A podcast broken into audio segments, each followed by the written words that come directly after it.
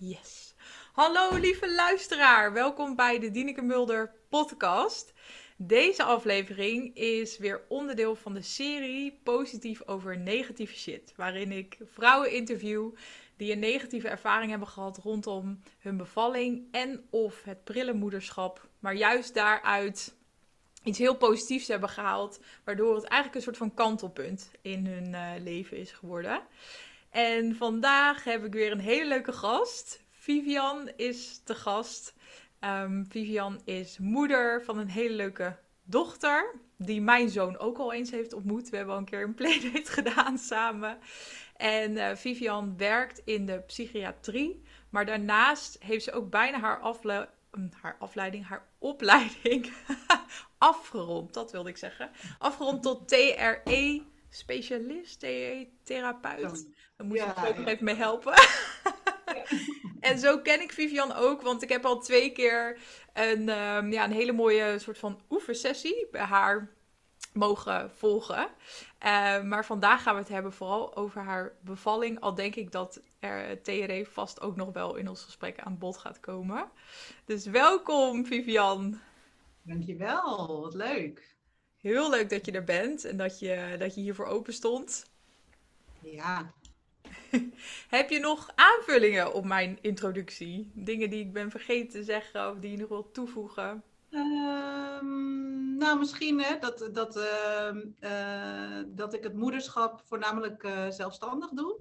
Oh ja, ja. Daar kan ik nog wel, wel wat over vertellen. Ja. Maar dat is natuurlijk, heeft natuurlijk ook, ja, is natuurlijk ook onderdeel van mijn verhaal. Ja, want laten we, ja, laten we daarmee beginnen. Helemaal terug naar voor je zwangerschap. Hoe zag je mhm. leven eruit? Hoe stond je in het leven? Hoe is de zwangerschap tot stand gekomen? Laten we daar lekker gaan beginnen. nou, ik was eigenlijk uh, mijn hele leven lang uh, hartstikke single.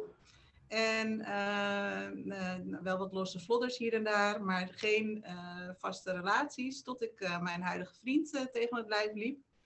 En um, daar kreeg ik een vaste relatie mee. En voor die tijd had ik ook altijd zoiets, nou kinderen, dat is echt niks voor mij. Echt niet voor mij weggelegd. Ik ben geen moedertype. Ik, uh, ik vond kinderen ook eigenlijk helemaal niet zo leuk.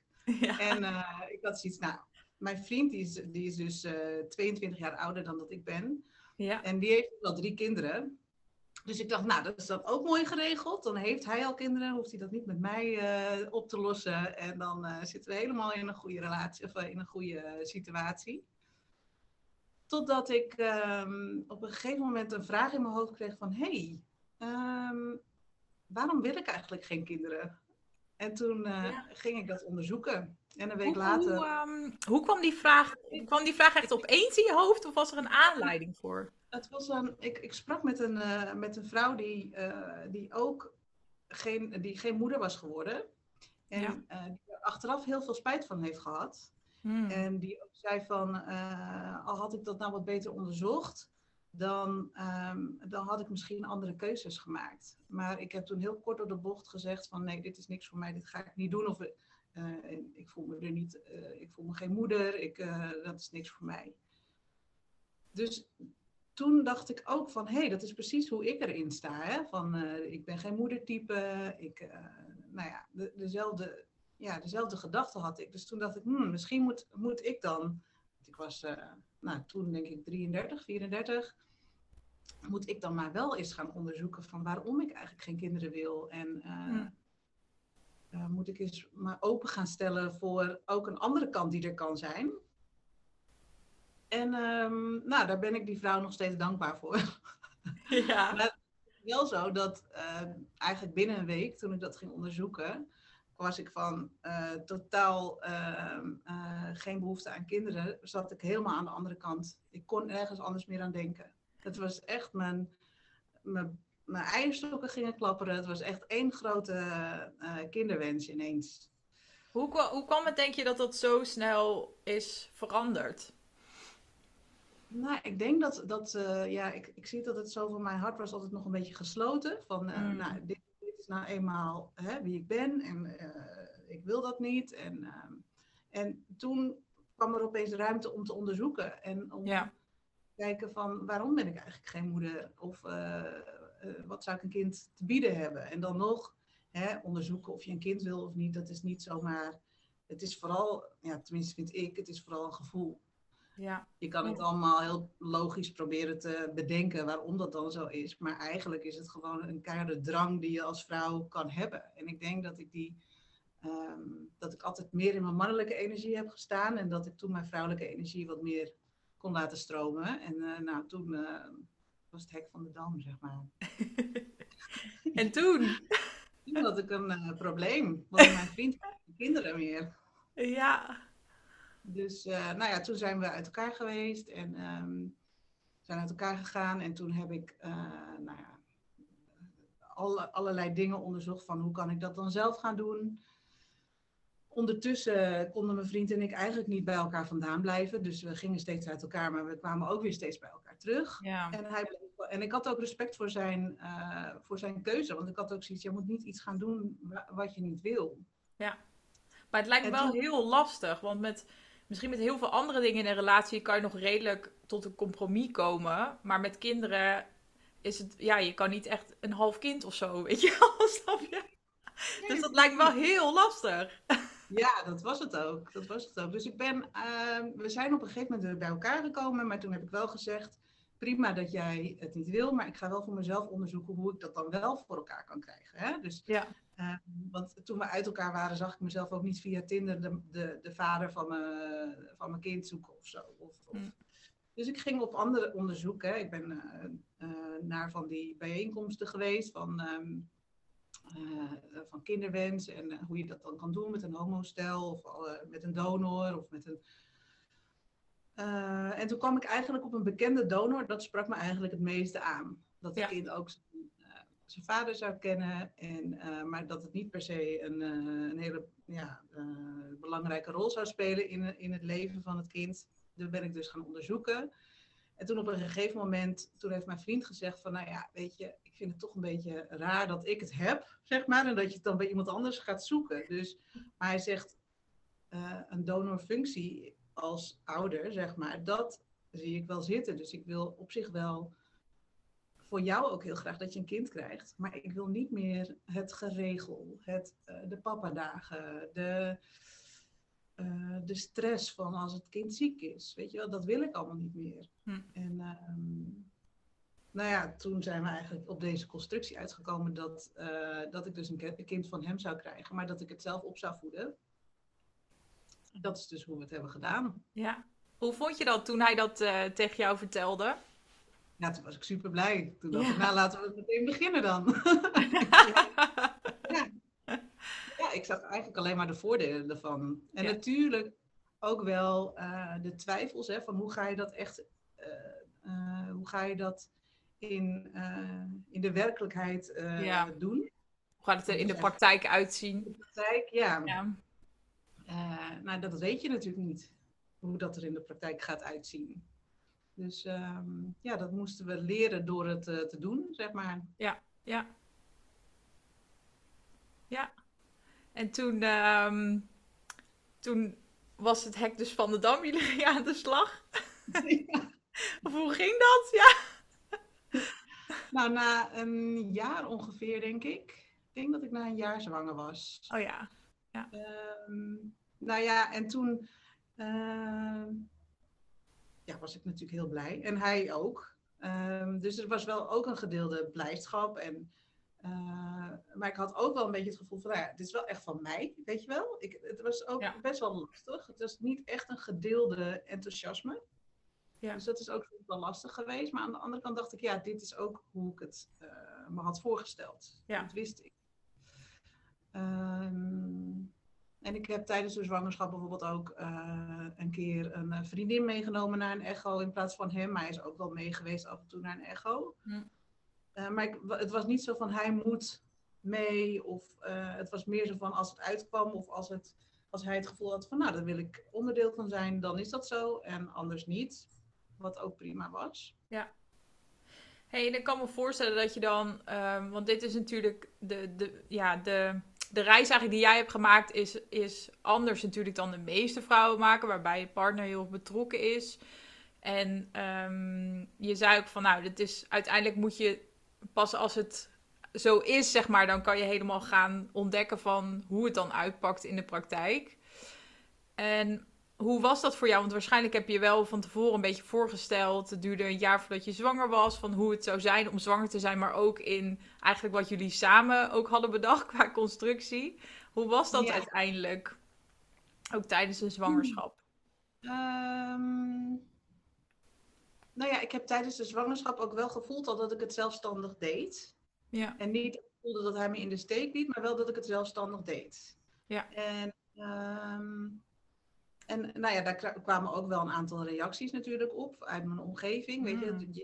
naast de omgeving heeft toch liever dat je het samen doet of zo. Hè? Dus, dus voordat ik zwanger was, toen zeiden mensen ook echt van, ja, wil je dit wel? En, en wat gaat jouw kind uh, hier uh, van merken in de mm. praktijk? Hè? Dat jullie het zo gaan doen. En um, hoe uh, zou het kind het vinden bijvoorbeeld dat dat hij wel zijn kinderen heeft opgevoed en dat, die, die, en, en dat, dat het kind zelf dus niet uh, op die manier wordt opgevoed. Dat soort, ja, en dat geeft ook natuurlijk twijfels en wat onzekerheid. Ja, dat kan ik me voorstellen, ja.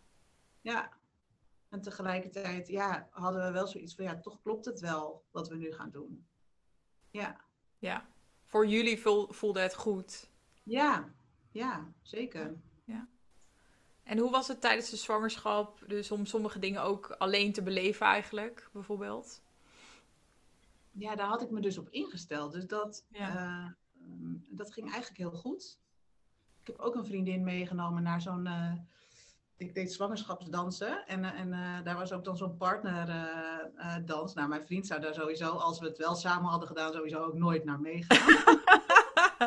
en nu dacht ik ook van, nou, het maakt ook eigenlijk niet uit wie er meegaat. In ieder geval iemand die, die mij gaat ondersteunen tijdens de bevalling.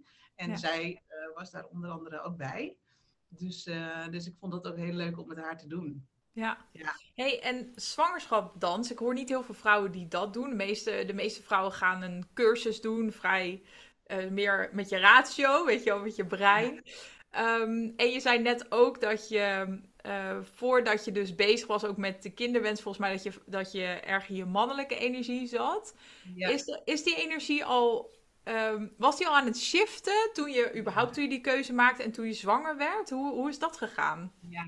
ja, dat is wel een goede dat je dat zegt inderdaad. Ik denk dat dat al uh, toen ik eenmaal die, dat die wens kwam, dat ook die ontwikkeling daarvan, uh, van die vrouwelijke energie die wat meer uh, mocht gaan stromen, dat dat ook al begon. En um, een vriendin van mij die is ook danscoach en daar had ik ook al wat workshops gedaan en dat vond ik heel fijn om in mijn lijf te komen. En, ehm, Maar het is ook heel vrouwelijk, inderdaad. Ja.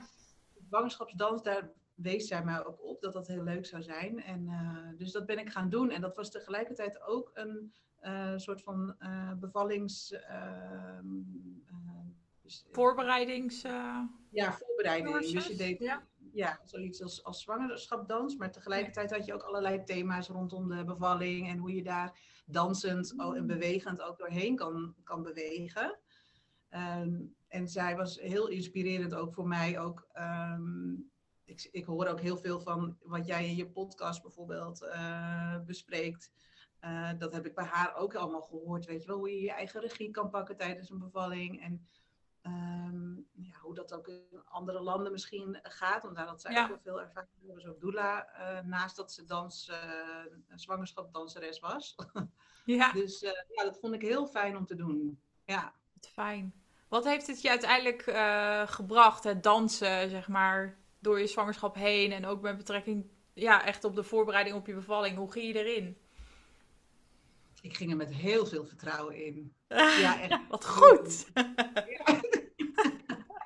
ja, ik ging echt met superveel vertrouwen erin. Ik dacht, ik kan dit. Dit is echt iets wat ik kan. Ja, want uh, kan je daar iets meer over vertellen? Dus waar, waar had je allemaal veel vertrouwen in? Waar, waar had dat, dat uh, betrekking? Dat ik, uh, dat ik kon, um, dat ik dat thuis ging doen, dat het een rustige bevalling zou worden, dat ik me eraan over kon geven. Ja. Dat ik wel zou aan kunnen geven wat ik wel of niet prettig vond. Um, dus voor mijn gevoel was ik ook niet echt van tevoren dat ik dacht, oh, dit mag niet gebeuren en dat mag niet hmm. gebeuren. Of, uh, maar ik had wel tijdens al die uh, die kennis die ik had opgedaan tijdens het zwangerschapsdansen en zo, had ik wel een bepaald beeld van hoe ik dat graag zou willen natuurlijk. En ik wist Ja. wel dat er soms, ja, dat er soms dingen eh, niet helemaal gaan zoals je wil. Maar ik probeerde daar niet al te rigide in te zijn. Ehm, dus ik ging er vrij, met vrij veel vertrouwen ging ik erin. Ja, ja, En eh, je wilde graag thuis bevallen? ja. Dat was de bedoeling. ja, ik wilde thuis bevallen, maar op een gegeven moment eh, braken mijn vliezen op eh, oudjaarsavond. En ik dacht, nou, dat wordt een nieuwjaarskindje dan.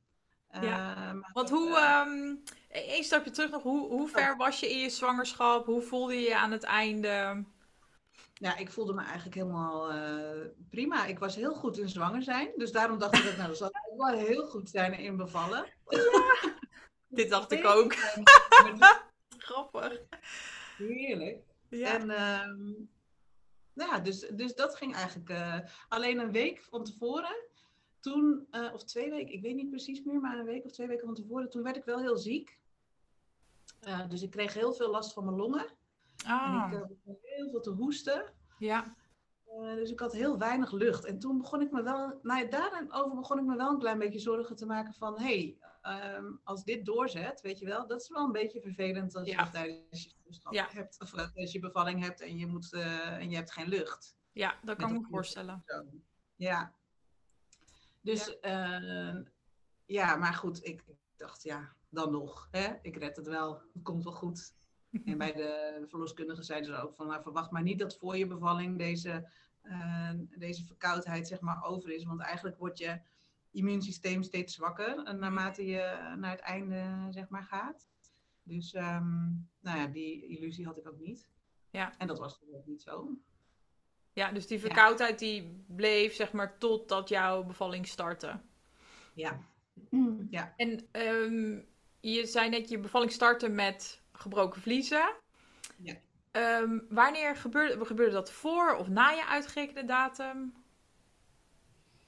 Ik was op 3 januari uitgerekend en op eh oudjaarsdag braken mijn vliezen. Net ervoor.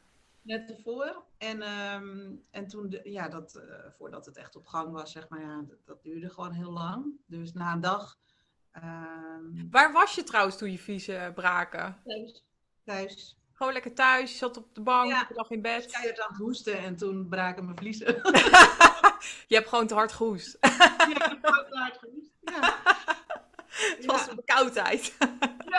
Ja, het, was mijn, eh, het waren mijn longen. Ja, nee, het is inderdaad, eh dat zal er ook iets mee te maken hebben dat die druk er zo op stond misschien. Eh, Dus je, maar je, Ja. zat, je was iets aan het doen of je zat op de ik bank. zat op de bank, ja. En, toen, Ja. en wat voelde je toen dat gebeurde? Ja, toen kwam er een hele, ja, ja, toen kwam er een hele golf. En Ja. eh, nou ja, dat stopte maar niet meer het ging maar door. Ja, Dus eh, nou ja, toen had ik mijn vriend gebeld en toen eh, zei ik, nou volgens mij eh, gaat het beginnen allemaal, hè? Dat, dat idee. Het gaat beginnen, jongens. tuurlijk, ja. Dat was niet zo, nee. Heel herkenbaar trouwens hoor, want mijn bevalling, volgens mij wist je dit, maar mijn bevalling is ook begonnen met gebroken vliezen. Dus wij dachten echt precies hetzelfde van, Ja. it's on. Ja. Dus, ehm, ja, dus toen ben ik eigenlijk gewoon wel lekker gaan slapen en zo. Er waren nog, ik voelde wel een beetje gerommel, maar verder was er eigenlijk niks actief. En de volgende dag toen ehm, eh, kwamen Ruda, mijn vriendin, en, ehm, en, en mijn vriend, die kwamen eh, bij mij.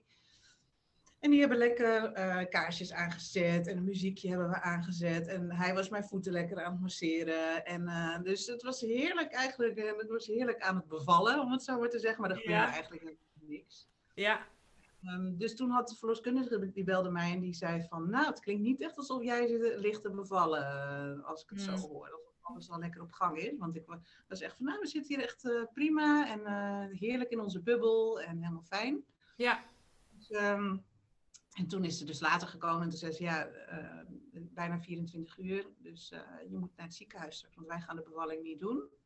Wist jij, eh, wist jij voordat je ging bevallen van dit protocol trouwens? Wat het protocol was omtrent gebroken Hmm. vliezen? Ja, ik had het wel ergens gehoord, maar het was niet echt door, tot me doorgedrongen. Toen ze het zei, dacht ik wel, oh ja, dat is ook zo. Ja, En ehm, ja, ik, ik dacht ook van, nou weet je, dan is het maar zo. Het is oké. Ja. ja, je kon daar wel Ja. gewoon... Ik ehm, kon me daar wel aan overgeven. Ik vond Ja. het wel jammer, Ja. maar Ja. ik kon me daar op zich wel aan overgeven. En de verloskundige die ik had, ik zag haar ook niet echt mijn bevalling doen. Dus ik, ik Mm. was ook wel een soort van, nou ja, prima. Weet je wel, als het dan zo moet gaan, dan gaat het zo.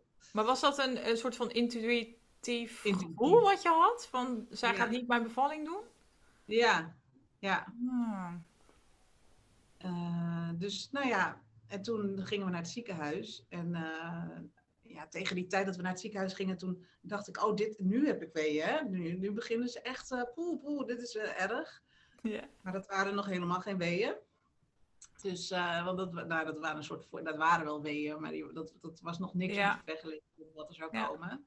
Want hoe lang Was was je al bezig toen jullie naar het ziekenhuis gingen? Hoe, hoe lang, hoeveel uur waren je vliezen al gebroken, zeg maar? Eh, nou, toen was het ongeveer 24 uur. Oh ja, ja. Ja, misschien dat we nog een paar uur hebben gewacht hoor, eh, na die 24 24 uur, maar dat weet ik niet precies meer. Ja. En toen zijn we naar het ziekenhuis gegaan. Ja, als mijn we- weeën, eh, als er zoveel minuten tussen zat of zo. Ja, En dat was ja. het op een gegeven moment. Dus toen zijn we gegaan. En toen kwamen we in het ziekenhuis aan en toen. Eh, ja, toen zei ze dus van. eh, de, de, ehm, eh, de dokter zei dus. Sorry hoor. van. ehm, eh, nou, het gaat allemaal een beetje te langzaam. Ja. Nou, eh, ik heb daar een tijdje gelegen en toen.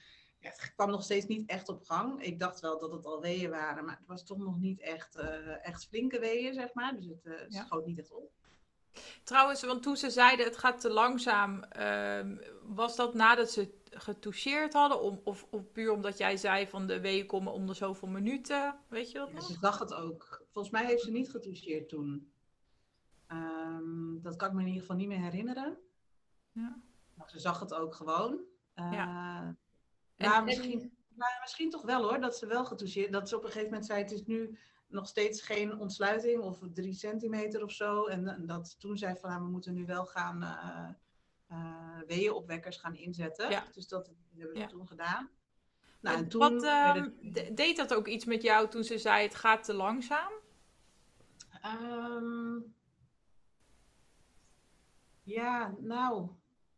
Ik weet nog wel dat ik, dat ik dacht van, oh ja, maar dit is wel echt iets wat ze in het ziekenhuis zeggen. Hè? En eh, ik weet nog van eh, de, eh, het dansen, dat er toen ook gezegd werd van, ja, weet je, al duurt het 36 uur voordat het een keer echt op gang komt. Dat, het- vroeger deden ze daar niks aan. Hè? Ja, ja. Het duurt opeens te lang. Dus ik, ik, ik voelde toen wel van, eh, van nou ja, het is eigenlijk niet zoals ze het daar hebben, hebben uitgelegd, weet je wel. Ja. Maar ja, ik, ik ben nu toch in het ziekenhuis, dus ik had toch zoiets, ja, ik geef me er toch maar aan over. Ja, Ehm, en toen kwamen die weeënopwekkers naar, en toen kon ik het eigenlijk, toen werd het alleen maar eh, weeënstormen, zeg maar. Dus toen eh, Ja. ja, werd, het heel lastig allemaal.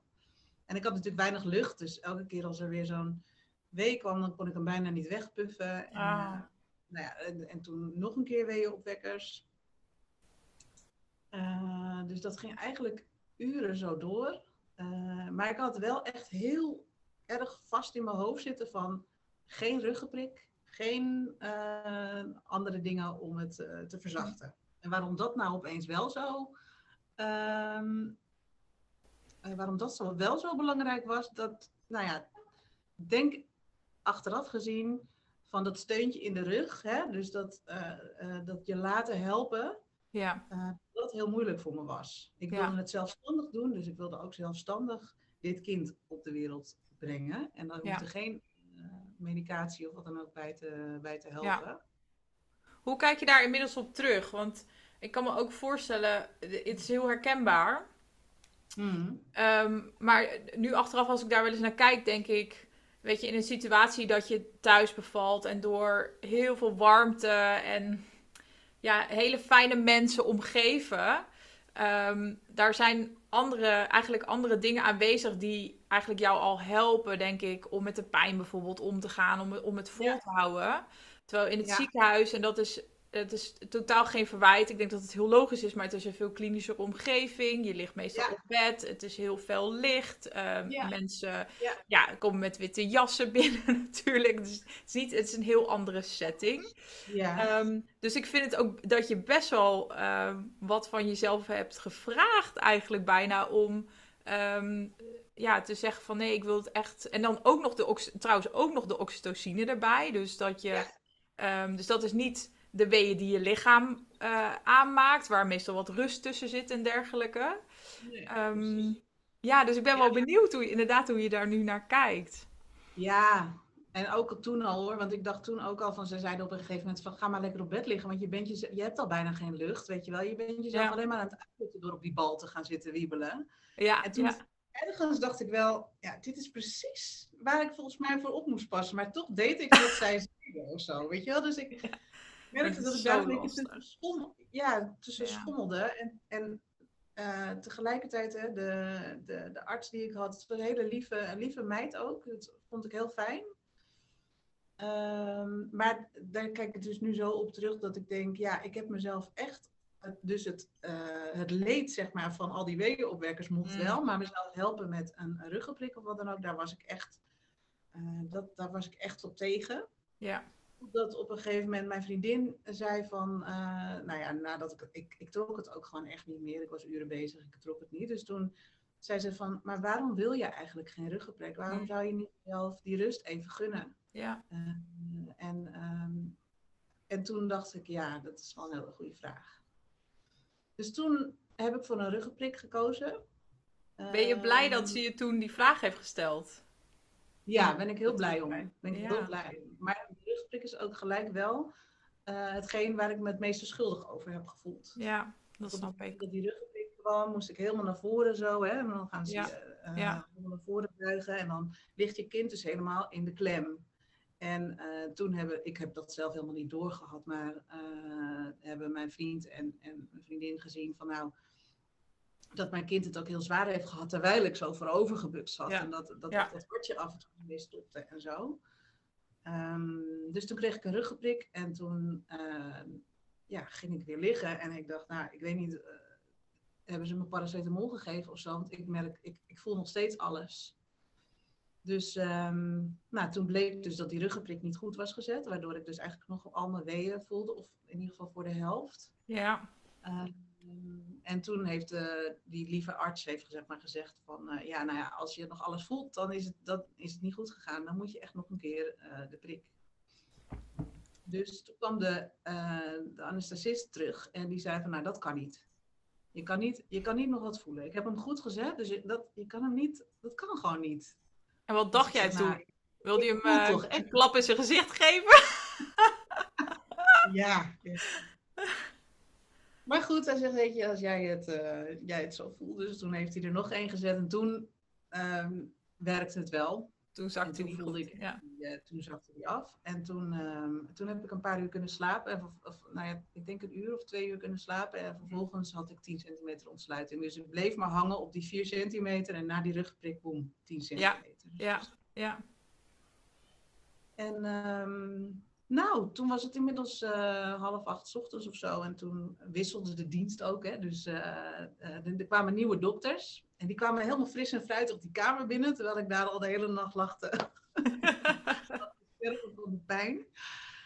En eh, dus dat was ook een hele aparte ervaring of zo. Die kwamen dan, eh, al die mensen die je die nacht hebt gezien, eh, die er eigenlijk helemaal bij hoorden, die gingen weg. En de volgende kwamen erin. En toen moest ik dus Maar gaan in- persen. Want, maar wacht, inmiddels, dit was ochtends. Je bent, op oudjaarsdag braak jouw vliezen. Dus Ja. inmiddels was het ook al oud en nieuw geweest. Ja, ja, ja. Jaarwisseling. En de volgende dag, dus 1 januari rond een uur of zes avonds of zo, ben ik naar het ziekenhuis gegaan. En toen de volgende ochtend om 8 uur, toen ehm, eh, moest, ik ga, moest ik echt gaan persen, zeg maar. Ja, Rond 8 uur. dus de- toen was je al 36 uur of 34 zo uur zo, Ja. bezig. Ja. Met twee uur slaap. Ja. Ja, klopt. Dat is ook Maar ik pittig, heb wel toen die nacht op de vliezen braken, heb ik wel nog geslapen hoor. Dus dat, Oh ja, eh, ja. Dat was nog niet zo heftig allemaal. Mm.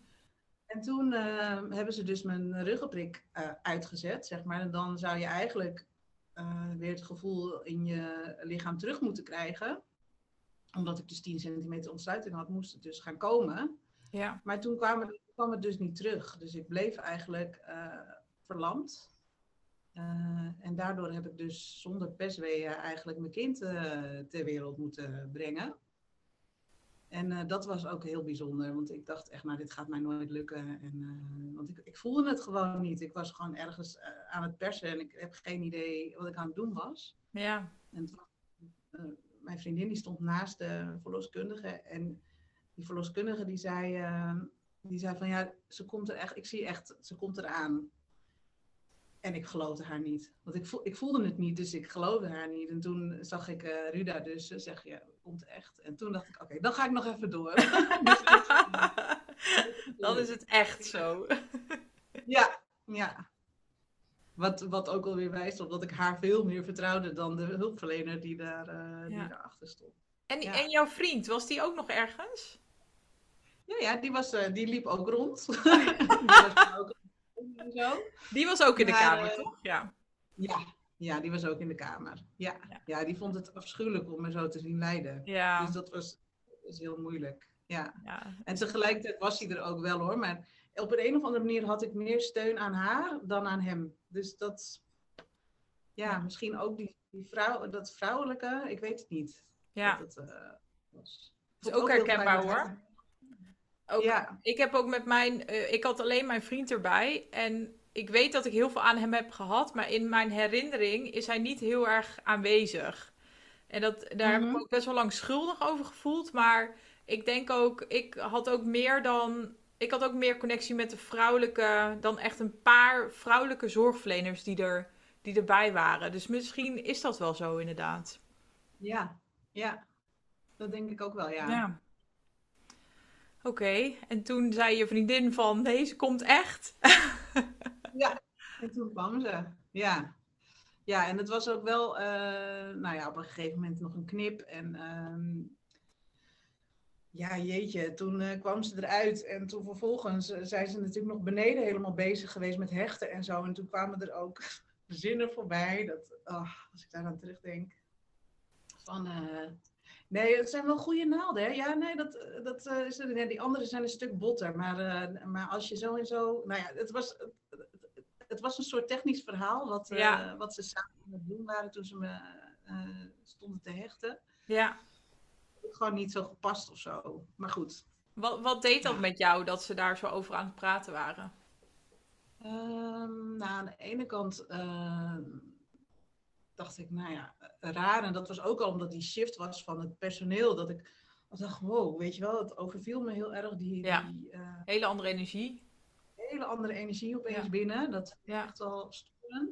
En tegelijkertijd had ik dat kind bij me, dus ik dacht, ja, fuck it. Ik heb mijn kind, ik vind het goed. Doe maar lekker met me wat je wil. En eh, ja, ja, en toen, maar ehm, ja, dus toen had ik dat allemaal nog niet zo heel erg door. Dat kwam uit dat verhaal van al die, ehm, eh, ja, eh, hoe, zij hoe zij waren geweest en eh, wat voor ervaring ik met hun had. Dat kwam later, dat, dat triggerde echt. Mm, Ja. Dus, ehm, nou ja, en toen had ik dus Vea in mijn armen. En ja, eigenlijk ging de borstvoeding gelijk, of tenminste, ze, hapte gelijk aan. Dus dat vond ik heel fijn, want ik wilde heel graag borstvoeding geven. Ja. En, ehm, eh, maar ja, goed, de volgende dag, toen, ehm, eh, toen wilde zij eigenlijk dat ze eerst ging plassen voordat, ze dan, voordat we dan naar huis mochten en zo. En toen wilde ze de bijvoeding gaan geven. En toen kwam er een soort van leeuwin in me op. Toen dacht ik, Mm. je gaat mijn kind geen bijvoeding geven. Ik wil alleen maar borstvoeding geven. Je blijft van eraf. En nou ja, goed, zo, zo ging het. En toen zijn we uiteindelijk nog een dag langer gebleven. Omdat, eh, omdat ik geen bijvoeding eh, wilde. En Ja. eh, omdat zij dan niet haar naar huis wilde laten gaan. Dus dat heb ik, eh, zo hebben we een soort van compromis gesloten Ja. daarover. Ja. Maar toen had ik dus wel heel sterk het gevoel van ik wil het nu weer overnemen. Ik wil die regie weer terug. Ja, ik wil de regie weer terugpakken. En dat was ook zo toen we naar huis gingen. Toen kwam er een kraamverzorgster. En nou, die, die walste echt door mijn woning heen. En dat was eerst iemand die even ging uitleggen wat zij, kwamen, wat zij zouden gaan doen. En het was niet degene die mij ook de hele week zou eh, ondersteunen. Het was een andere, nou ja, het was dus een kraamverzorgster die ging uitleggen.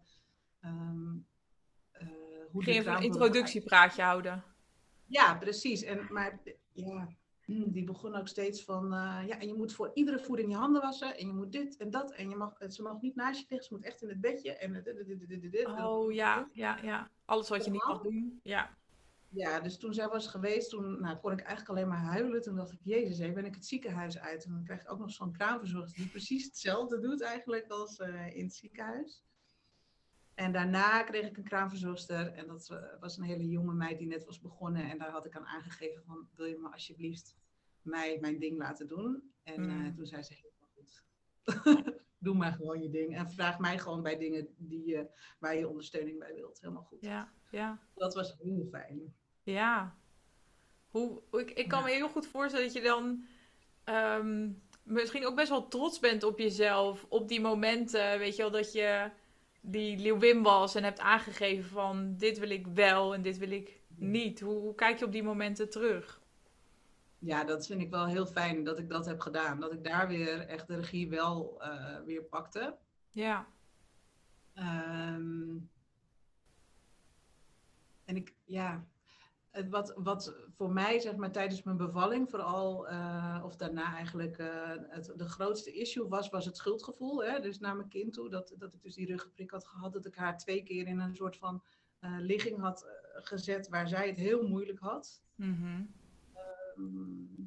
maar dat ik me had overgegeven aan dat ik in het ziekenhuis moest bevallen en ja, dat ik die weeënopwekkers en zo toch heb genomen, daar was ik niet eens zo naar van. Het was mhm. echt meer het gevoel en uh, de heftigheid. Gewoon echt de heftigheid met wat er allemaal was gebeurd. Dus, uh, ja. En dan bedoel je de heftigheid, ook schuldgevoel naar je, naar je dochter toe? Ja, naar mijn dochter toe. Uh, en de heftigheid van al die weeën die ik zo moeilijk op kon vangen. De mhm. heftigheid van gewoon de hele, de hele nacht, zeg maar, waar ik, waarin ik heb zitten vechten eigenlijk voor, eh, voor alles. Ja. Dus uh, ja, daar had ik denk ik het meeste last van. Ja.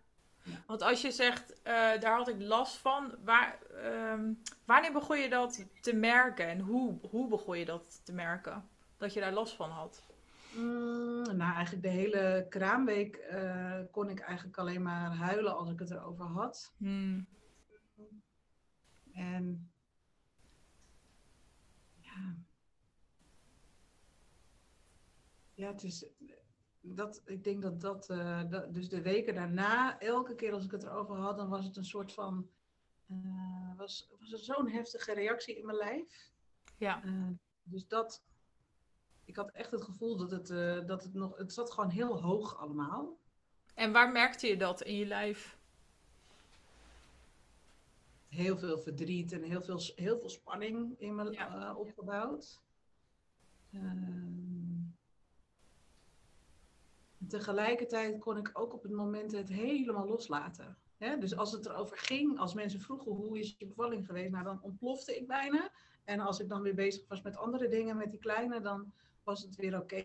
weet je wel? Dus, dus ja. uh, het was zo'n, ja, wisselend. Het was mhm. heel wisselend. Nou, hoe een kraambeek natuurlijk, hoe kraambeken natuurlijk er ook uitzien. Het was gewoon, wat betreft ook een hele heftige tijd natuurlijk. Uh, ja, ja. Net moeder worden en... Uh, dan zo'n bevalling en dan je, je nachten en je borstvoeding die nog op gang moet komen en je stuwing, nou ja, alles erop en eraan. Ja, ja. Maar ik kan me wel voorstellen dat, ik denk voor elke vrouw is een kraamweek intens. Maar als je dan ook nog zo'n ervaring hebt gehad met al die gevoelens die daarbij komen kijken, dan is het wel, ja, misschien nog intenser. Dan komt dat er ook nog eens bovenop. Ja, ja. Ja, zo heb ik het zeker wel ervaren. Ja. Mhm. Maar ook dat ik uh, dat mensen ook wel tegen me zeiden van het, het is echt voor iedereen ook heftig om te bevallen. Mm dus en dat gaf mij ook wel weer um, steun of zo. Dus, dus waar, waar je misschien anders zou denken van hè, uh, het gaat hier over mij en niet over jou, weet je, of over andere mensen. Maar bij mij hielp het juist wel een beetje dat ik dacht, ja, het is ook super heftig om te bevallen, weet je wel. Dus of het nou in het ziekenhuis is of thuis, het kan super heftig zijn om te bevallen. Om, om het is zo'n intense ervaring. Je ligt daarna voor mijn gevoel altijd helemaal open. Mhm.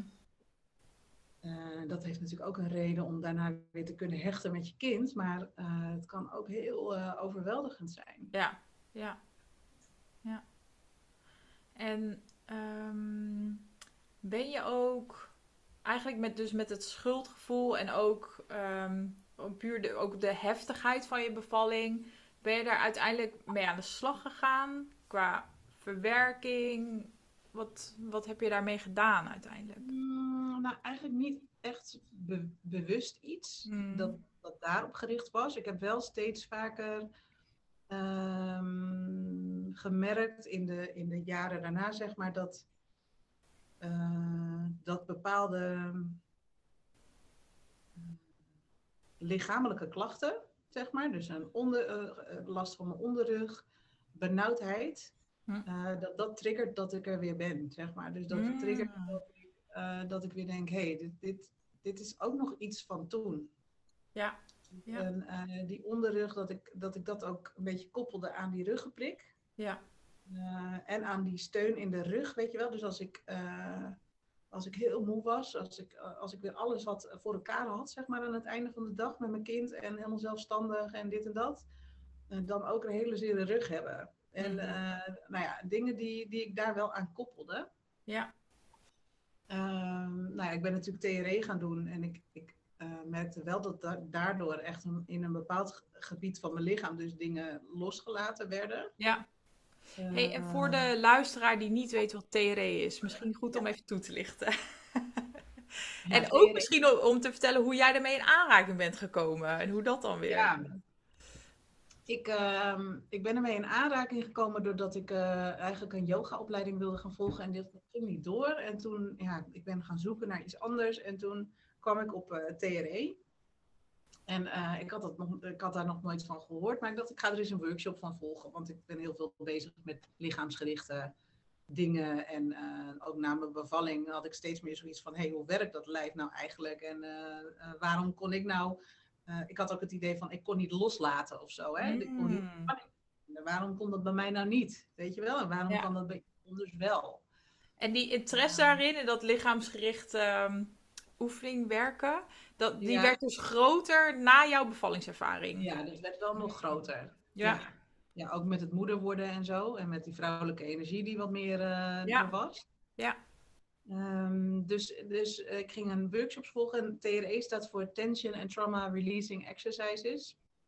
En het gaat over eh, dat je ehm, door middel van bepaalde oefeningen eh, je lichaam kan laten ontladen. En ehm, als we stress hebben, dan kunnen we heel snel in een eh, fight of flight of freeze komen. Als we stress hebben of als we iets meemaken, trauma. En dan kan ons lichaam dus vechten, vluchten of bevriezen. En eh, vaak zitten we daarin. En eh, als, we daar, eh, als we dat doorleven of doorvoelen, dan vergeten we eigenlijk aan het einde ook de spanning te ontladen om weer Ja. ehm, tot de ontspannen staat van zijn te komen. En we vergeten het niet echt, we onderdrukken het vaak ook, want we vinden, meestal gaat het met bijvoorbeeld heel hard huilen of eh, trillen of eh, nou ja, in, in, het kan bepaalde vormen hebben, maar meestal zijn het vormen waarvan we denken, nou dat willen we liever niet. Liever niet huilen, liever niet trillen, liever niet ehm, op een manier dat je zwak lijkt. Ja. Ehm, en dit zijn dus oefeningen om die eh, ontlading op te wekken. Zodat je ja, spanning in je lijf makkelijk kwijt kunt.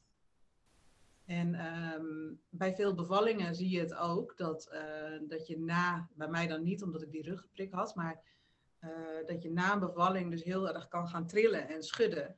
Ja. Dat is echt een manier van het lijf om al die spanning en ehm, die heftigheid die het eh, tijdens een bevalling heeft meegemaakt, om dat los te kunnen laten. Of om dat te kunnen, ja, te kunnen ontladen. Ja, ik vond het zo interessant, want ik, ik, ehm, ik ken dit natuurlijk al een beetje omdat ik twee keer een oefensessie bij jou heb mogen, mogen doen. En ehm, wat ik ook zo interessant hieraan vind, ook wat je zegt over dat je dus na een bevalling heel vaak begint te trillen. Nou, dat, dat wist ik helemaal niet. Maar, en ik denk dat heel veel vrouwen dat niet weten. En, en zodra het wel gebeurt, wat eigenlijk een heel mooi ehm, mechanisme is van je lichaam, denken we heel vaak dat er iets mis is. Dus dat er iets. Aan de hand is van oh, je bent aan het trillen, dus het gaat niet goed. Ja. Oké, En ook ik heel heb dit veel... op het web oh, gevonden voor hand. oh. En ook heel Je Siri gaat even aan. En ik weet veel hulpverleners die het ook niet kennen. Hè? Ja. Dus ehm, die, ik heb wel eens gehoord dat iemand echt eh, vastgehouden werd van stop maar met trillen. Weet je wel, dat, dat hoeft helemaal niet. Terwijl het is zo belangrijk om te trillen daarna, om, Ja. te los te schudden. Maar Ja. dus het is gewoon echt helemaal niet bekend. Ehm, nou ja, dus toen ben ik, eh, eh, ben ik me daar ook meer in gaan verdiepen. En eh, toen heb ik wel gemerkt dat ook in mijn onderrug, mijn bekkengebied, zeg maar, dat, dat, dat ik daar soms wel meer ruimte had. En ik had daar niet hele erge her- herbelevingen bij of zo, als dat gebeurde. Dat Ja. ik dan weer terugging naar mijn bevalling of zo. Maar ja, dat merk ik wel, dat daar meer ruimte komt. Ja, ja ik vind het zo'n... ehm, Naar mijn idee slaat je bekkengebied en je hele lijf slaat ook trauma op. Ja. Dus, ehm, en met TRE kun je dat dus ja, rustig aan, hè, stukje bij beetje, want je moet niet in, in één keer al je trauma's willen ontladen, want dan, eh, dan gaat het ook niet goed. ja, Maar ehm, ja, ik vind het een hele mooie vorm, want ik heb zelf ehm, dus eh, een therapie gevolgd na mijn bevalling, maar ook omdat er andere dingen getriggerd eh, werden. Eh, en ik heb EMDR gedaan. Maar ik vind ook het mooie hiervan. ehm, en uiteindelijk, het, het een is niet beter dan het ander. Maar ik vind het wel mooi dat er steeds ook, ook aandacht komt voor dus meer lichaamsgerichte vormen. En dat, het, dat je soms, als dat niet bij je past, heel vaak denken we dat nu de enige mogelijkheid is om iets te verwerken om heel lang met iemand te gaan praten.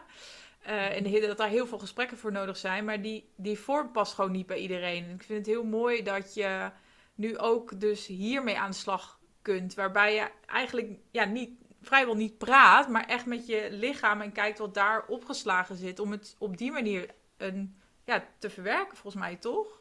ja. Ja, en wat ik bijvoorbeeld eh, ook merkte was als ik over mijn bevalling sprak, dan ging ik juist weer helemaal eh, in de fight en flight. Hè? Dus dan Ja. ging ik juist weer, werd al mijn spanning in mijn lichaam weer heel hoog. Ja. Eh, terwijl als ik op de grond lig en mijn lichaam ontlaat, dan hoef ik nergens over te praten. Maar dan, ja, dan raak ik wel wat spanning kwijt. Ja. Dus, ehm, Ja, dit is een hele mooie inderdaad.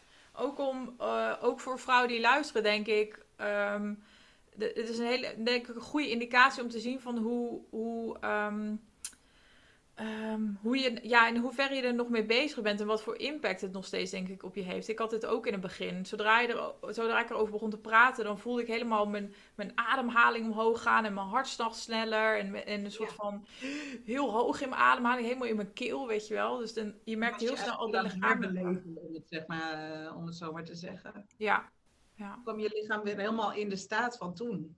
ja, precies. Ja. Maar dat was toen. Hè? Dus, Ja. dus eh, door te praten kun je het juist weer opwekken. Ja. Ehm,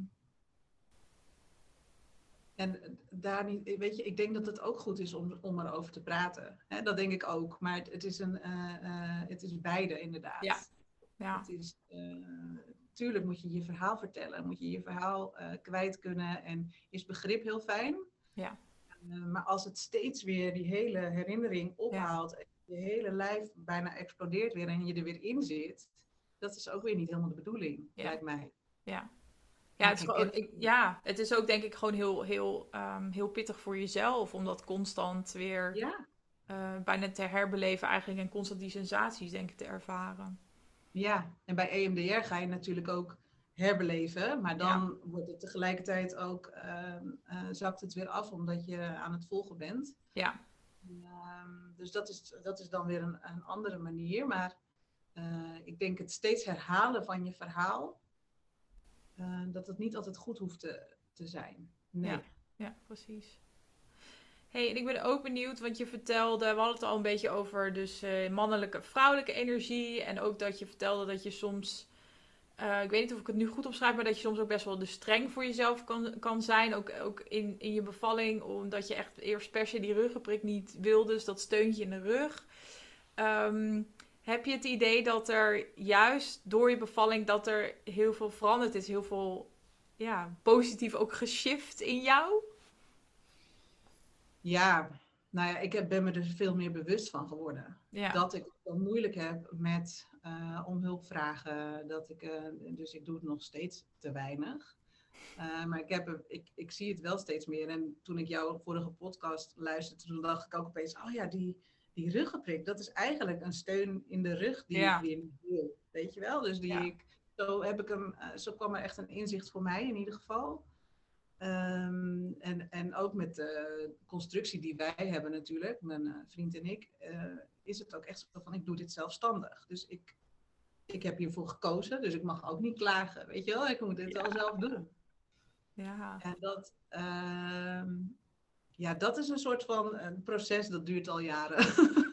maar het gaat steeds beter. Maar het is wel echt een begin van, ja, voor- hiervoor stond ik altijd zelfstandig in het leven. Ja. En nu, een kind, moet ik toch echt wel wat vaker eh Ja. hulp gaan vragen. Ik vind het wel heel mooi dat het een, eigenlijk een thema is wat dus in je zwangerschap, bevalling, nu ook in het moederschap eh, eigenlijk heel erg doorwerkt en onderdeel is uiteindelijk van jouw reis. Ja. Ja. Ja, het is heel mooi. Ja, het is eigenlijk heel mooi om te zien. Ja. Ja, want ik denk helemaal als je. ehm, Nou, hulpvragen is denk ik een thema voor elke vrouw. Maar helemaal als je het vrijwel alleen doet, het moederschap. Ja, dan, wordt dan, dan wordt het misschien nog meer. Dat, Ja, dat en- ja. Gekozen, je, moet het, je moet het maar nemen zoals het is. Hè? Ja. En dat, eh, dat is een, een kritische stem van mij. Ja, eh, die, ehm, die ik soms projecteer op iemand anders. Weet je wel, als het, eh, als het zo uitkomt. ja, ja, ja. Je wil mij gewoon niet helpen. Of, eh, Ja. hè, dus dat, eh, eh, maar dat is mijn eigen kritische stem die dat denkt. En volgens mij is er ook best wel wat veranderd in je werksituatie. Want hiervoor werkte je bijna fulltime in de psychiatrie. Ja. En nu Ja. ben je ook je, een beetje je eigen praktijk volgens mij aan het opzetten. Ja, klopt. Ja, ik eh, werk nu drie dagen in de psychiatrie en eh, ik heb nu één dag eh, voor mijn eigen praktijk. Waarin ik dus de Ja. TRE en, maar ook familieopstellingen wil Ja. gaan doen. Ehm, en echt het lichaamsgerichte, het lichaamsgerichte coachen. En ja, dat vind ik echt superleuk. Ja, Ja, mooi. ja. En ook in mijn eh, werk in de psychiatrie trouwens hoor, mag ik gelukkig heel eh, lichaamsgericht werken. Dus dat is Ja. super fijn. Ja. Oh, daar is dus wel ruimte voor ook daar. Ja, ja, ik mag de TRE ook in mijn, eh, in mijn werk gebruiken in de psychiatrie, dus dat is heel fijn. Ja, Wauw, heel mooi. Alright, ik denk dat we een beetje aan het einde zijn gekomen. Is er nog iets wat je wilt toevoegen, wat je nog kwijt wil? nee, volgens mij niet. En anders dan moeten we nog maar een keer een uh, als er nog meer uitkomt. Misschien nog één laatste vraag, want ik bedacht me helemaal. Ik heb nu sinds een, één interview geleden heb ik bedacht, ook ik ga elke gast een vraag stellen. Maar nu ben ik weer die vraag vergeten te stellen. Dus misschien kunnen we hem nu nog doen. Ik had hem ook naar je op de mail gezet. Maar die ging over meer van in het dagelijks leven. Als je nou ja, een negatieve situatie of je hebt ergens frustratie over. Hoe zorg jij er dan voor dat je weer, ja, dat je er ook weer een positieve draai aan geeft? Ook als misschien tip voor de luisteraar. Um, nou, wat ik eigenlijk uh, altijd doe, is wat, wat spiegelt de ander of wat spiegelt deze situatie mij. Uh, ja. Dus als, uh, als ik bijvoorbeeld geen steun ervaar van iemand, van wat spiegelt het? Ben ik er eigenlijk wel voor mezelf? Ja. Uh, dus wat spiegelt het in jou? In mij. Ja, ja. mooi. Ja, wat, wat uh, in deze situatie die ik nu meemaak, uh, ik noem, ja, noem een voorbeeld. Weet je wel, wat, wat spiegelt het? Wat, wat heb ik hieruit te leren? Wat spiegelt het in mij? Waarom gebeurt mij dit? Waarschijnlijk omdat ik er nog iets uit te leren heb. Dat is waar, waar ik meestal uh, de, de shift wel kan maken. Uh, en soms duurt dat even hoor, want dat, die, dat spiegelen, dat, ja. dat komt misschien dan een paar weken later. Maar uh, ja. ja. meestal is alle negatieve shit die in je face komt, heeft vaak iets te maken met wat je zelf nog aan moet kijken. Ja, heel mooi. Oké, ik ben het hier helemaal mee eens. Ja. Super, hele mooie afsluiter. Ik wil je ontzettend bedanken voor het eh, fantastische gesprek en je, en je openheid ook. Ja, jij ook bedankt. Heel graag gedaan. Ik ga hem afsluiten. Even kijken. Ja.